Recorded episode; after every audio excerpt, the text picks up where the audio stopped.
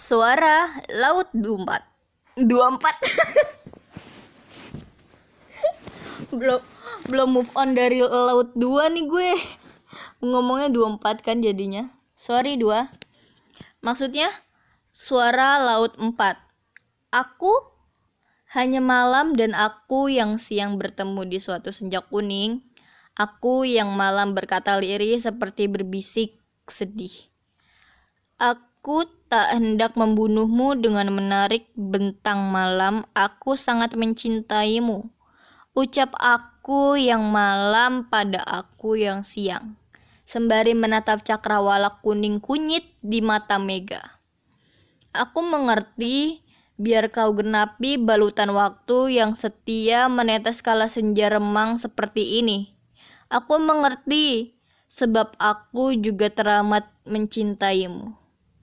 Jawab aku yang siang dengan merapatkan cadik ke tepi. Lantas, kami saling berpelukan. Yang satu memimpinkan pekat, yang satu memimpikan benderang. Ikan-ikan berenang di dasar laut, tak ada yang mengerti bahwa dari musim ke musim lautan selalu menyaksikan aku yang malam dan aku yang siang membagi pengertian dan kesementaraan. Ombak masih terus saja menari. Kami mengerti dan kami tidak memperdebatkan tentang apakah kami juga mesti menari seperti ini. Menghibur diri. Maka aku hanya malam lant Aku yang malam lantas menjadi lembaran hitam di langit dan aku yang siang menjadi ikan yang berenang di dasar lautan menuju ke timur. Kembali untuk nantinya kami bertemu mengamini waktu.